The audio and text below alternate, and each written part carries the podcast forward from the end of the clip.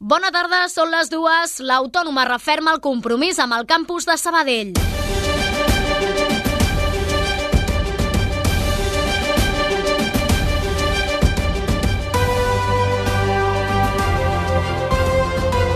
Notícies migdia.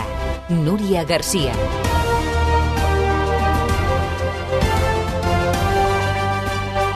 La zona universitària de Covadonga s'ha d'ampliar en els pròxims anys amb la incorporació de les instal·lacions de l'art tèxtil on s'ubicarà el grau d'infermeria. El rector de la UAB, però, creu que el campus universitari té prou potencial com per traslladar-hi altres estudis. Així ho ha assenyalat Javier Lafuente. Jo veig clarament un, un, un campus molt més potent. Eh? Si, si parlem, hi ha, hi ha altres estudis que tenim previstos, hi ha temes de salut i envelliment, hi ha temes de, de, de esport, hi ha moltes coses que, que, que creiem que podem portar i que hem de fer i hem de fer de la mà de la ciutat, de quines són les necessitats de la ciutat i de la ciutadania per donar resposta a aquestes necessitats. El rector de la Universitat Autònoma de Barcelona ha passat avui per al Cafè de la Ràdio coincidint amb la constitució de la Comissió de Seguiment del projecte de rehabilitació de l'art tèxtil la setmana passada. És el tema del dia, però en tenim altres com els preus del lloguer a la ciutat, el pla de contingència de la Fundació 1859 Caixa Sabadell per fer front a la falta d'ingressos o la presentació del llibre Les nostres mares de la sabadellenca Gemma Ruiz al Casal Pere IV. Notícies migdia. La informació en 15 minuts. Els serveis. Situació del trànsit. A aquesta hora hi ha retencions a la P7 entre Cerdanyola i Sant Cugat del Vallès en direcció a Tarragona per un vehicle avariat que ocupa el Voral. També hi ha unes obres a la C63 a Lloret de Mar que provoquen aturades de dos quilòmetres en sentit sud. Per la resta de vies, circulació tranquil·la a aquesta hora. I quina és la situació del transport públic? Àlex Cubells, des del Transmet. Bona tarda. Hola, bona tarda. Doncs en aquests moments la xarxa de transport públic de l'Art de Barcelona funciona amb normalitat i no destaquen alteracions significatives segons els operadors de transport. En cas que canvi alguna cosa us mantindrem informats. De moment això és tot des del Transmet. Bona tarda. La notícia del dia. La Universitat Autònoma de Barcelona referma la seva aposta clara per fer créixer el campus de Sabadell. En ple procés per convertir l'art tèxtil en escola d'infermeria, el rector de l'Autònoma, Javier Lafuente, ja està iniciant altres projectes per lligar encara més la universitat amb Covadonga i amb la ciutat en general. Més detalls, Karen Madrid, bona tarda. Bona tarda. En declaracions al Cafè de la Ràdio, la Fuente s'ha mostrat contundent. El campus de Sabadell té un potencial que es pot explotar de moltes maneres i els pròxims anys seran claus per donar-li aquest impuls. L'únic campus que tenim universitari fora de Bellaterra és el campus de Sabadell i el volem potenciar i ampliar i que, que estigui molt més obert a la ciutadania. Jo crec que bueno, estem pensant algunes coses que igual són per l'any que ve, que serien microcursos, cursos molt dedicats, pensat a donar resposta, a poder eh, reformular el currículum d'alguns ciutadans o d'algunes persones. És, és, jo crec que, que idees tenim moltes, a llarg termini, la Fuente aspira a convertir Covadonga en un pol de coneixement de la mà de la societat civil i econòmica de la ciutat. Això el que tenim que tenir és, és un lloc on nosaltres puguem donar formació, però formació a mida, donar resposta, cooperar, muntar empreses també de base tecnològica, intentem crear un ecosistema, per això quan jo parlava del, de l'arroba Sabadell, que, que torno a dir que va fer gràcia a algú que m'ho va sentir, estic parlant en, eh, allò es va decidir a Barcelona col·locar un tipus d'indústria molt tecnològica i això a poc a poc ha anat, ha anat sentant-se de manera que la gent que es trasllada allà ho viu. Llavors jo el que estic dient és algo similar, fem activitat, no, no en la banda. TIC en aquest sentit, també s'està treballant en un projecte amb les cambres de comerç de Sabadell i Terrassa i la Universitat Politècnica de Terrassa. De moment ja es compta amb recursos econòmics de la Diputació per tirar-lo endavant. I en clau formativa, però no universitària, des d'aquest dimecres es pot fer la preinscripció a l'Escola de Música i al Conservatori. El període estarà obert fins dilluns 20 de març i enguany hi ha novetats en l'oferta formativa. Julià Ramon, molt bon dia. Molt bon dia. Sí, hi haurà un nou curs de música moderna en el primer i segon curs, que s'adreçarà a alumnes de 12 anys o menys. El director Joan Morera anima a tothom a apuntar-s'hi i ho ha fet en una entrevista al matí. a l'escola de música ja fa molts anys que hem eh, canviat el programa de manera sí. que qualsevol persona, tingui l'edat que tingui, uh mhm. -huh. pugui entrar a estudiar música amb nosaltres. Allò la idea aquella és que si se t'ha passat els 7-8 anys, ja se t'ha passat, ja no pots fer música. O és que, mira, és que tinc 14 anys i, i ja no, no, no és així. O sóc un adult, no? O, uh -huh. o m'he jubilat i tinc ganes de fer aquell instrument que no vaig poder fer de petit o que vaig començar i me n'he oblidat. Doncs pues, escolta, eh, hi ha programes, hi ha, hi ha, hi ha sí. portes per entrar en total, l'oferta engloba prop d'una vintena d'instruments, però cal tenir en compte que per entrar al conservatori cal passar una prova d'accés. Notícies migdia. La informació en 15 minuts.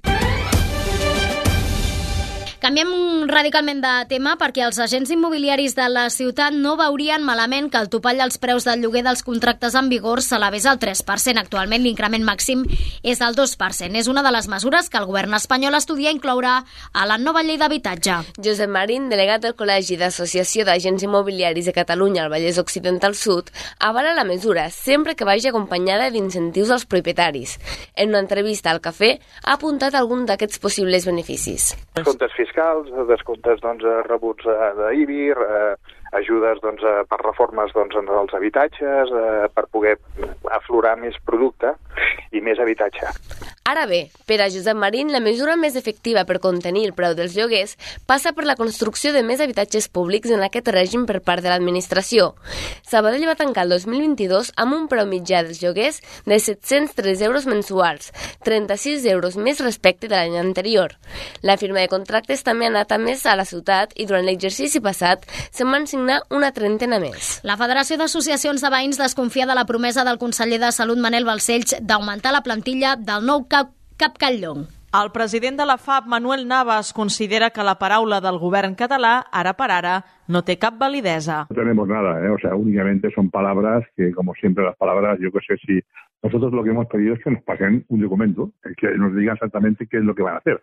Porque a mí que me que diga la alcaldesa que ha hablado con el conseller y que el conseller ha dicho que va a hacer no sé qué y no sé cuánto, bueno, y si mañana dicen que no, o como ha pasado con otras cosas que, no sé, por citar un ejemplo más reciente, el tema del, de los institutos, que eso sí que sí va a hacer de forma inminente y, y resulta que son cuatro años más. Així mateix, Navas considera la dotació proposada de dos metges, dues infermeres i dos professionals d'admissions clarament insuficient i diu és una reacció que intenta aplacar les demandes veïnals. Ràdio Sabadell. Notícies migdia.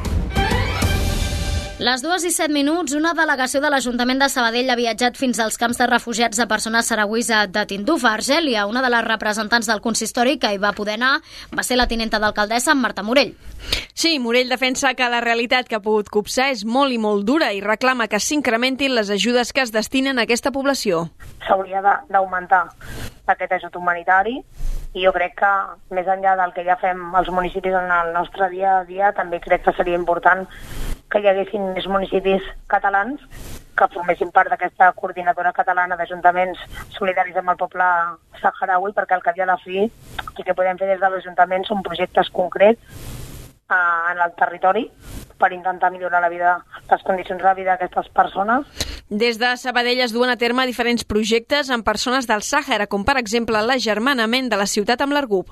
I la Junta de Portaveus ha aprovat una moció per demanar la fi de la repressió i de la impunitat de les persones repressores a Nicaragua. El redactat d'aquesta moció inclou una demanda perquè el govern Helena es faci marxa enrere en els canvis legislatius. Sí, en una entrevista al programa El Cafè, Joan Albert Vicenç, de la Universitat Autònoma de Barcelona, ha explicat quin és el conflicte que es viu actualment actualment a Nicaragua. Nicaragua és un país que fa des de l'any 1978 havia concitat moltes esperances per part de molta gent del món que veia a Nicaragua doncs, una revolució democràtica d'esquerres, socialista, orientada als interessos de la majoria i que després de bastants anys, amb els mateixos protagonistes, el front sandinista, ha derivat, després d'uns quants governs que no eren sandinistes, ha derivat en una dictadura. Albert ha afirmat que a hores d'ara no es pot fer cap acció directa al país, ja que fa poc el govern ha expulsat a totes les ONGs. Tota l'actualitat de la ciutat i comarca també a les xarxes socials. La Fundació 1859 Caixa Sabadell s'estrenya el cinturó. Amb l'objectiu d'assolir la igualtat en les seves despeses i ingressos, pren mesures. La més impactant, la supressió de la Festa de la Primavera pel 2023. N'ha parlat avui el director de l'entitat, Joan Carles Sunyer. El patronat doncs, va decidir ja a finals de l'any passat doncs, una reestructuració eh, per adaptar-nos als ingressos que actualment genera la Fundació. Això ha suposat doncs, bueno, una reestructuració estructural i de programació aquest any 2023, que tindrà també continuïtat, com a mínim, també el 2024, el 2024 i possiblement el 25. Per augmentar el capítol d'ingressos, s'està promocionant el lloguer dels 14 espais singulars de l'entitat, però a més, el president Josep Maria Manyosa creu que cal trobar rellogat pel local del carrer de Gràcia. L'actual situació econòmica de la Fundació no és l'òptima. Portem tres anys sense uns ingressos del lloguer del, de l'edifici del carrer de Gràcia, que eren molt necessaris per poder portar l'activitat. Així doncs, el futur de la Fundació passa obligatòriament per llogar aquest immoble. En aquest sentit, estem treballant per trobar un llogater el més aviat possible, però sent conscients que l'equipament s'haurà d'adequar qualsevol dels usos possibles que tingui, ens hem avançat projectant millores en les instal·lacions i en l'accessibilitat, supressió de barreres arquitectòniques, arquitectòniques, instal·lar un nou ascensor també caldrà augmentar la col·laboració público-privada. Una bona mostra són els espais que utilitzarà l'Ajuntament en la pròxima edició de la Fira Sakura Matsuri. Sortim de Sabadell i la comarca per fer un cop d'ull a l'actualitat més enllà. Tres treballadors han mort aquest matí han quedat atrapats a la mina de potassa de Súria. Han quedat atrapats a uns 900 metres de profunditat després d'un despreniment en una galeria. A hores d'ara continuen en marxa les tasques de rescat.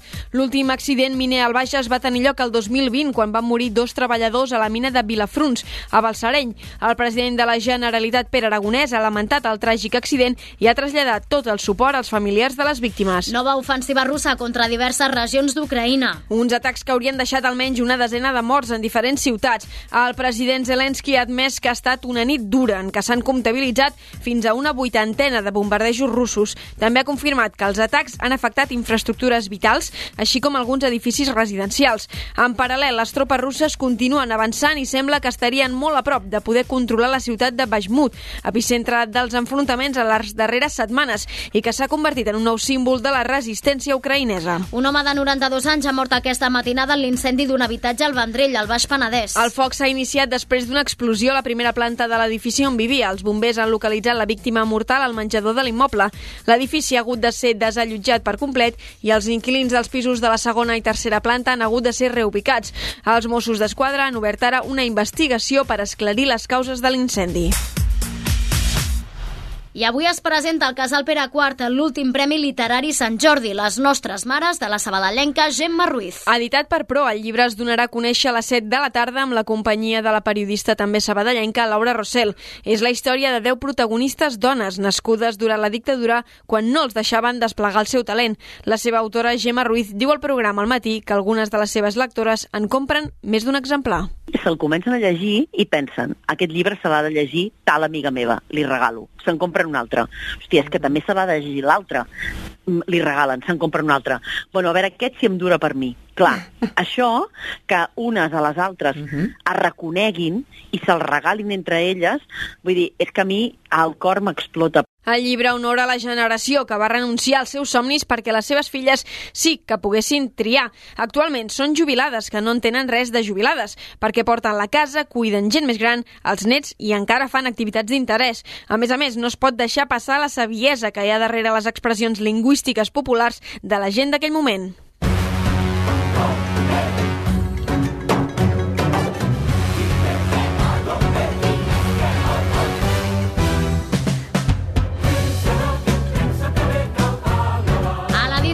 La faràndula aquest cap de setmana després d'exaurir pràcticament totes les entrades en la temporada passada. Ara l'entitat aposta per recuperar l'obra de Joan Baptista Torrella i fer sis sessions més, tres aquest cap de setmana i tres més al que ve. Joventut de la faràndula ha volgut diferenciar el seu Aladí del de Disney i per això un dels trets més diferencials és que la banda sonora és tota nova. A banda d'això, el seu director, Joan Torrella, assegura que s'ha envolcat de ple en aquesta obra. Estem parlant de, de pràcticament més de mil peces entre de tot tipus, des de barretes barrets, de sabates, però sí, sí, hi ha un gran treball eh, fet sobretot en aquest aspecte, a nivell de producció de, de escenografia, però vestuari també molt, feia molt temps que tampoc fèiem tanta producció, a més ens hem ficat fins al, al moll de l'os de tot, tant des del cap fins als peus, barrets, sabates, polaines, mitjons, qualsevol cosa. La primera sessió serà aquest dissabte a la tarda i la última diumenge que ve, 19 de març. Les entrades es poden treure per internet o a taquilla. La previsió meteorològica.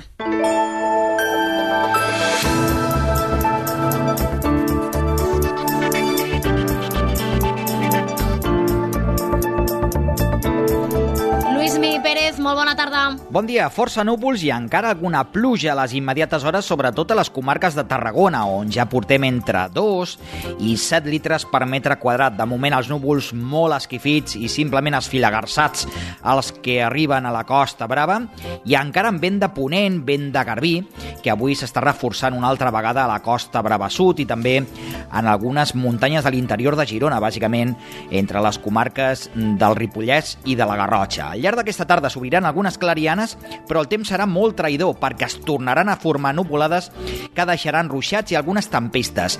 Apareixeran de cop, vindran des de l'Aragó i escombraran gairebé fins a la costa. En el cas de la Costa Brava, molt poquet, però a l'àrea metropolitana de Barcelona, al Camp de Tarragona, Terres de l'Ebre, també gran part de la Catalunya central, aquests ruixats acabaran caient de forma intermitent, amb alguna tempesta. Cotes de neu al Pirineu al voltant dels 2.200 metres i l'ambient molt suau malgrat els moments de núvols.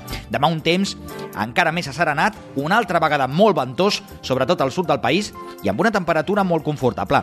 Ho anirem seguint aquí a la xarxa. Un quart de tres, marxem. Fins aquí el Notícies migdia que hem fet amb el Toni González a les vies de so i el Pau Duran a la producció. Nosaltres ens hi tornem a posar demà a la mateixa hora. Que vagi molt bé. Allà on siguis, escolta'ns online. En directe.radiosabadell.fm